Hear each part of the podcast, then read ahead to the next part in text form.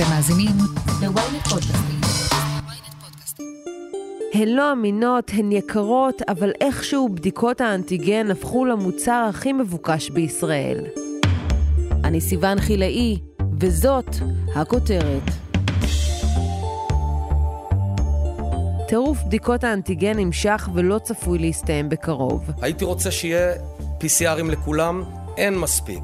לכן אנחנו נאלצים להשתמש באנטיגן, שהוא פה הזמן גם לומר, את האנטיגן צריך לעשות ביום השלישי מהבדיקה, כי... איך הפכה הבדיקה הפשוטה שאמורה לומר לנו האם אנחנו חיוביים או שליליים לנגיף לכמעט בלתי מושגת, ומי מרוויח מהמחסור ברשתות הפארם.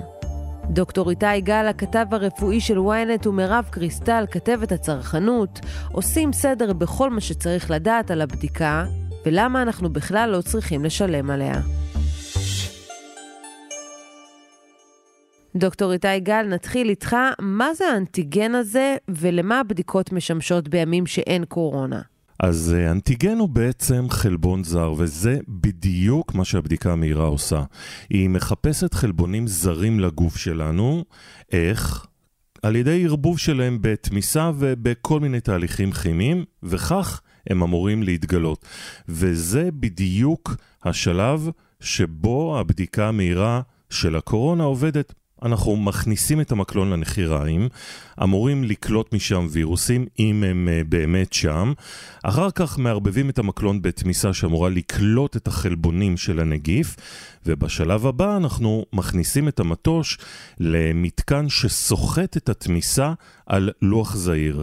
אם אותרו חלבונים של וירוס, אז הם צובעים את הלוח הזה בשני פסים, אותם שני פסים שאנחנו רואים בבדיקה. אבל uh, כמו שאת יכולה להבין מההסבר הזה, הבדיקה דורשת חלבונים של הווירוס. החלבונים האלה נקראים נוקלאוקפסיד פרוטאין. ואם במקלון לא הצלחנו לקלוט מספיק וירוסים עם אותם חלבונים, או כמו שאנחנו קוראים להם בעולם הרפואה, אנטיגנים, הם אה, פשוט לא יתגלו בתמיסה, ואנחנו נקבל תוצאה שלילית. אז מתי אדם צריך לבצע בדיקת אנטיגן? את אה, בדיקת האנטיגן אנחנו צריכים לעשות כשיש אה, תסמינים של קורונה, בדיוק כפי שדורשות הוראות משרד הבריאות. שוב, אם יהיו מספיק אה, חלבונים, כלומר מספיק נגיפים בדגימה שאותה אנחנו לוקחים, אז אנחנו נראה את התוצאה בבדיקה.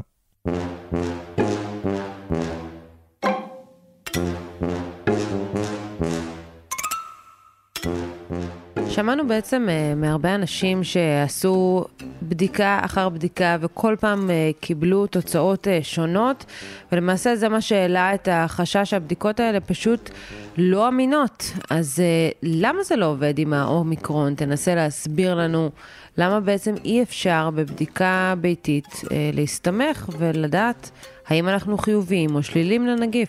כן, זו, זו שאלת מיליון הדולר שמציפים אותי בימים האחרונים. עכשיו אה, מתחילות הבעיות עם האומיקרון ויש כמה כאלה. קודם כל, בניגוד לזנים אחרים, אחד התסמינים הראשונים של אומיקרון הוא כאבי גרון, בזמן ש... כפי שאת אה, בטח זוכרת, זנים קודמים גרמו לתסמינים נשימתיים, כמו למשל דלקת ריאות. אנחנו ידענו בתחילת המגפה שהקורונה חודר דרך האף אל מערכת הנשימה, ולכן אה, היה קל מאוד לשאוב מהנחיריים את הנגיפים לבדיקות.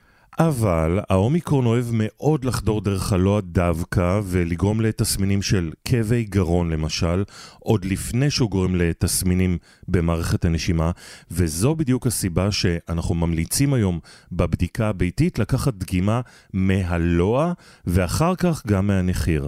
אה, יש עוד עניין. כיום, בניגוד למצב לפני שנתיים כשפרצה מגפת הקורונה, רובנו מחוסנים או מחלימים, מה שאומר שכמות הווירוס בגוף שלנו נמוכה הרבה יותר, וכדי שבדיקת האנטיגן המהירה תעבוד ותראה תוצאות, אנחנו צריכים כמות מאוד גדולה של וירוס קורונה, ולרובנו כנראה אין את זה. אז בטח שמת לב שרוב המחוסנים או המחלימים חולים במחלה קלה יחסית, ואחת הסיבות היא שהעומס הנגיפי, כלומר כמות הווירוסים בגוף, היא נמוכה יחסית, ולכן הוא לא תמיד מתגלה בדגימה. כן, אז זה בעצם מה שגם מבדיל את אה, בדיקת ה-PCR, שכן מדויקת לפי משרד הבריאות? כן, אז uh, אנחנו אמרנו שהבדיקה הביתית המהירה בודקת חלבונים, נכון?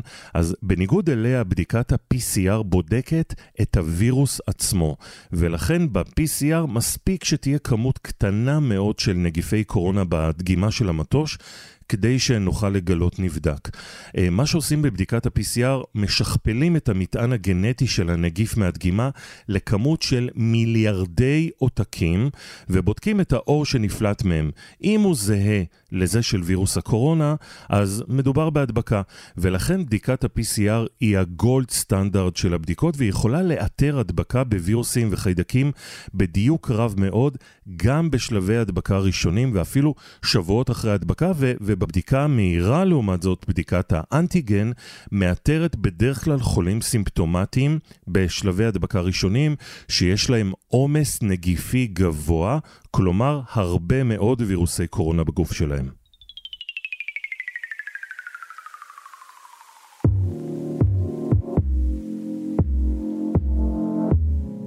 אז כמובן שכל מי שקצת אה, מודאג כי לא מרגיש טוב או כי נחשף אה, לחולה מאומת, היה שמח לעשות בדיקת PCR ולקבל תשובה מדויקת, אבל אה, כמו שאנחנו יודעים, כרגע מי שמותר לו לעשות בדיקת PCR חינמית זה רק מי שמעל גיל 60 או באוכלוסיות בסיכון. אז אם נוכל לתת כמה טיפים למי שצעיר יותר מהגיל הזה ועושה בדיקה ביתית, איזה טיפים אתה יכול לתת להם אה, כדי לקבל תשובה מדויקת יותר? האם זה משנה מתי הם יעשו את הבדיקה? האם זה משנה האם הם יעשו מספר בדיקות? מה היית אומר לאותם אנשים שרוצים לעשות בדיקה ולקבל תשובה קרובה למדויקת? אוקיי, okay, שאלת השאלות. אז ככה, קודם כל אני ממליץ למי שמרגיש תסמינים של קורונה להיוועץ ברופא המטפל או בחמ"ל הקורונה. יש לכל קופת חולים חמ"ל קורונה וכל המבוטחים, לא משנה באיזה קופה אתם, אה, אתם כולכם יכולים להתייעץ עם אותו חמ"ל, יש שם רופאים, מומחים לקורונה, שיוכלו להדריך אתכם. אבל באופן כללי, אה, הבדיקה, בדיקת האנטיגן הביתית יכולה להגיע לדיוק דיוק מרבי כשמקפידים על כמה כללים. ראשית, קודם כל, לכו לפי ההוראות, לא כל בדיקה מתבצעת אותו דבר. תקפידו על ההוראות המדויקות. אה, כשאתם אה, מתחילים את הבדיקה מהלוע, לקחת דגימה מהלוע, ואחר כך להעביר את אותו מטוש בנחיר. לפחות חמש שניות. ואז להעביר את המטוש לבדיקה, ולא למהר לקרוא את התוצאות. בדרך כלל ברוב הדגימות התוצאות מתקבלות תוך 15 דקות, אז לא למהר לפני וגם לא יותר מדי מאוחר, פשוט שימו סטופר בשעון שלכם, תעקבו אחרי ההוראות, תעשו בדיוק מה שמבוקש, אבל כאמור ההמלצה היא להתחיל מהלוע. זה יכול להיות, אה, אתה יודע, מאוד מורכב עבור האדם הפשוט, שגם הוא צריך להבין את המגבלות שהולכות ומשתנות, וגם את ההוראות לבידוד שהולכות ומשתנות, ועכשיו גם איך אה, לקבל את התוצאה בעצמו, לבצע את הבדיקה בעצמו. אני רואה שתהיה פה קטסטרופה לא קטנה בימים הקרובים. הרי קופות החולים גם לא מספיקות לענות אה, בזמן לכל מי שפונה, כי כולם עכשיו בהיסטריה גדולה. אז מה עושים? תראי, אה, סיוון, אני דווקא מהרופאים האופטימיים. שנתיים אנחנו בתוך מגפת הקורונה, ולמרות כל הקשיים והטרגדיות והחולים הקשים, אה, חשוב לזכור שבשנתיים האלה עברנו, לפחות בעולם הרפואה, קפיצת דרך מדעית אדירה. יש לנו שני כלים מאוד משמעותיים במיגור של המגפה, בראש ובראשונה כמובן החיסונים וגם התרופות האנטיווירליות החדשות שהגיעו לארץ ואנחנו כבר נותנים אותם לחולים קשים, ואם תשימי לב, כמות החולים הקשים אומנם בעלייה אבל מתונה. וזה לא סתם, זה בזכות שני הפרמטרים האלה, מחוסנים והתרופות של אה, פייזר ומרק, וחוץ מזה יש גם אה, מגוון של אה, שירותים שמאפשרים לנו להתייעץ עם הרופאים גם מהבית, ויש כמובן גם את הבדיקות הביתיות שאני מאמין שילכו וישתפרו. נכון, יש חלק מהסוגים של הדיגומי האנטיגן שהם פחות מדויקים מהאחרים, אבל אחרים דווקא נותנים תוצאות טובות אם מקפידים לקחת לקחת אותם מהלוע, כנראה שהאומיקרון גם כן מקשה על איתור התשובה החיובית מהבדיקה, זה עדיין בבדיקה של רשויות הבריאות, של משרד הבריאות, של ה-FDA. אבל בינתיים אני חושב שבאופן כללי ישראל מתמודדת עם המגפה יותר טוב מרוב מדינות העולם. מי שהיה בחו"ל אה, או מי שעוקב אחרי המתרחש במדינות אחרות מבין מה קורה. אנחנו בקטסטרופה עולמית. פייזר אה, הודיע שככל הנראה המגפה איתנו עד 2024, אז אני דווקא לסיכום אופטימי, אני חושב שמשרד הבריאות ורשויות הבריאות עושות מה שצריך, צריך להתאזר בסבלנות, אנחנו לומדים לחיות עם הקורונה, לאט לאט אני מאמין שתוך כמה שבועות אנחנו נעבור את השיא הזה של גל האומיקרון, והדבר הכי חשוב, המסר הכי חשוב, פשוט לכו להתחסן. זו הדרך היחידה לנצח את המגפה הזו. אוקיי, דוקטור איתי גל, באמת עשית לנו קצת סדר אה, בכל הבלבול הזה, תודה רבה לך. תודה, סיון. מיד נמשיך עם הכותרת, אבל לפני כן, הפסקה קצרה. היי, אני לא רשתת מאור, עורכת ynet יחסים. אני רוצה להזמין אתכם לפודקאסט שלי, סקס אפיל. בכל פרק נדבר על הדבר החשוב באמת, סקס. איך הוא משפיע עלינו, מה היחס שלנו אליו, ואיך אנחנו יכולים לנהל חיי מין טובים ובריאים יותר. בכל יום רביעי פרק חדש בספוטיפיי וגם באפליקציות הפודקאסטים שלכם. חפשו סקס אפיל ונשתמע.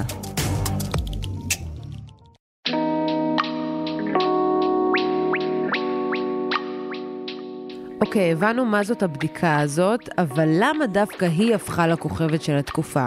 מירב, תעזרי לנו להבין, מי בעצם המשווקים והמפיצים שנהנים פה מהרווחים? זו שאלה טובה מי המשווק ומי המפיץ, כי את יודעת, כשמוצר הופך להיות להיט, זה להיט בעל כורחו, כן? אבל ניתן לשם השוואה את המשחק ילדים הפשוט פופית, אז בהתחלה היצרן הרשמי, מי שהמציא את המוצר, ייצר אותו באופן רשמי, ואז את רואה מלא חיקויים בכל המקומות, מרשתות שיווק ועד אה, רשתות סטוק וקיוסקים, אותו דבר הבדיקות האלה. כולם מביאים סטוקים, כולם רוצים למכור, וגם עכשיו מתחילה מלחמת מחירים. עכשיו אפשר לראות שחלק מהרשתות מורידות את המחיר, האחרון שראיתי היה, נראה לי רשת מחסני השוק, שהם הורידו את המחיר ל-20 בדיקות ב-7 שקלים, משהו כזה. זאת אומרת, מספר המשווקים הוא רב, כי כל יבואן שרואה שזה מוצר מקבל ביקוש מאוד גדול, אז הוא מייבא אותו, אז יש לזה אין סוף. כמובן שהיצרנים הכי טובים נמצאים בגרמניה, באירופה. אני חושבת שחלק מהבדיקות הן לא אמינות, וצריך לקנות במקומות נורמליים כדי להיות בטוח שאתה מקבל בדיקה טובה. בישראל זה גם עולה כסף, מה לעשות. אז מה הפער באמת בין המחיר שאותה חברה נותנת uh, למוצר הזה לבדיקה אחת או לכמה בדיקות, לבין מה שבסופו של דבר אותו צרכן מגיע לפארם ורוכש? עד כמה הפערים האלה הם uh, משמעותיים? הפערים האלה יכולים להיות מאוד מאוד משמעותיים. אני אתן דוגמה, צרכן ששלח לי צילום מסך מאתר אינטרנט של אחת הרשתות המאוד גדולות, שמכרה שבוע לפני שההנחיה הזאת נכנסה לתוקף, היא מכרה איזושהי ערכה, שאני לא יודעת כמה בדיקות היו בה, אבל היא מכרה את הערכה ב-150 שקלים, וברגע שההנחיה נכנסה לתוקף, היא מכרה את הערכה ב-199 שקלים. זאת אומרת שאין לנו מושג כמה היא הרוויחה על הערכה במקור, אבל כשהביקוש נעשה אדיר, היא בוודאות הרוויחה יותר. אז ברגע שהביקוש גדול והצרכן לא שם לב שמעלים לו את המחירים, זה בדרך כלל בהתחלה, הרווחיות יכולה להגיע למאות אחוזים.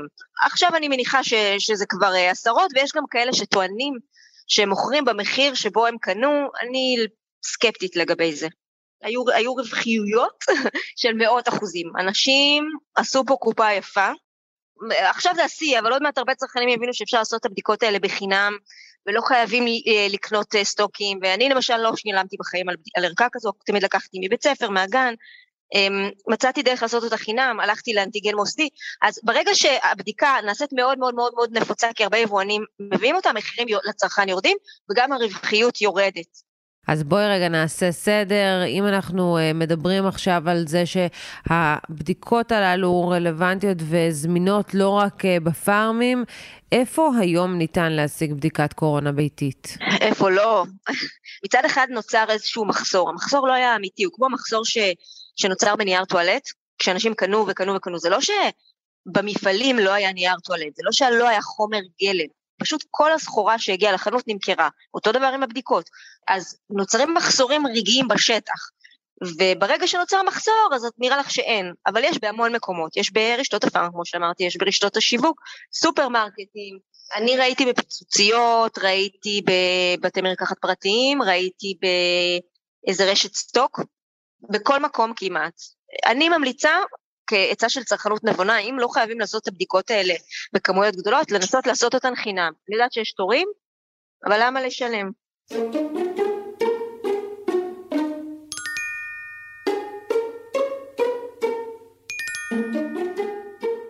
אבל בכל זאת, מי שכן צריך לשלם, אה, כי הוא לא עונה לקריטריונים אה, של בדיקות אה, כאלה ואחרות, אין לו איזה ילד בבית ספר שהוא יכול לעשות אה, בדיקה באופן הזה, מה הוא עושה אותו אדם שנמצא בבידוד אה, ואולי מזמין הביתה את הבדיקה הזאת? ראינו לא מעט אנשים שהזמינו דרך שליחים של וולט מבי פארם ורשתות כאלה ואחרות.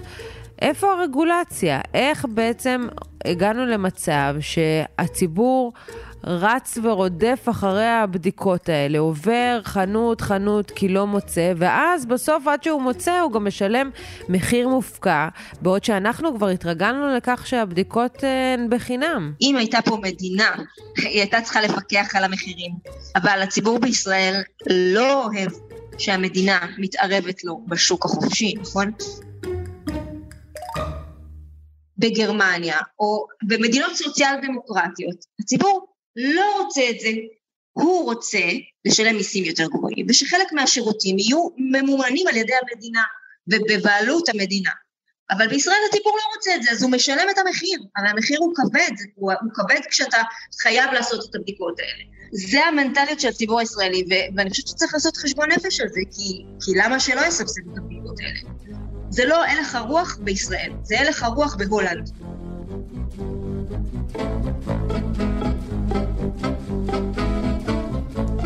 הייתה ירידה מאז אה, שהחל הטירוף הזה ונכנסו עוד ועוד חברות אה, לשוק הזה של בדיקות ביתיות? כן, יש כבר ירידה במחירים. זה לא בזכות אה, טוב ליבם ולא בזכות התחרות, אלא בזכות זה שיש הרבה הצפה יש, כשיש הצפה של הבדיקות, אז אה, מורידים את המחיר. אגב, הרבה פעמים זה לרגעים, זה מלאי מאוד מוגבל, אני רואה את זה, אומרים יש מבצע ואז מגיע ואין כבר כלום. ואז המחיר כבר עולה. הרבה פעמים זה גורם משיכה. כדי שתיכנסי לסניף, הנה יש לנו בדיקות בזול. אה, איפה הן? נגמרו. גם הציבור לאט לאט קצת. יש ביקוש נורא גדול, ואז נתקעים עם מלאי, אז מורידים את המחיר. אנשים עכשיו בטירוף של הבדיקות האלה, אבל לאט לאט זה ירד, זה לא, אנשים לא יכולים כל היום לבדוק את עצמם. זה לא, אנחנו לא רואים שזה עוזר. אני צופה שהמחירים ירדו ככל שהציבור נמאס בבדיקות האלה. נכון שיש חוק, אבל הרבה בודקים את עצמם גם בלי החוק. נכון? יש הרי טרפת של בדיקות שאת אוגרת גם בבית, זאת אומרת שיהיה. אז באיזשהו שלב אנשים יפסיקו לאגור את הבדיקות האלה. כן, מתישהו ההיסטריה תירגע וכולם אה, ינסו לחזור אה, לשגרה בלי להיבדק אחת אה, ליומיים. מירב קריסטל, תודה רבה לך. תודה, תודה. עד כאן הכותרת להפעם. אתם מוזמנים לעקוב אחרינו בוויינט או איפה שאתם שומעים את הפודקאסטים שלכם. אם זה קורה בספוטיפיי, אתם מוזמנים גם לדרג אותנו ולהאזין לפרקים נוספים שלנו כמו שיגעון האומיקרון והדבקה ההמונית. וגם, אל תשכחו לשלוח את הפרק לחבר שעדיין לא שמע את הכותרת של היום. עורך הפודקאסטים הוא רון טוביה, גיא סלם סייע בעריכת הפרק, דניאל עמוס הפיקה, על הסאונד ניסו עזרן, עטילה שומפלבי הוא גם חבר בצוות הכותרת. אני סיוון חילאי, ניפגש בפעם הבאה.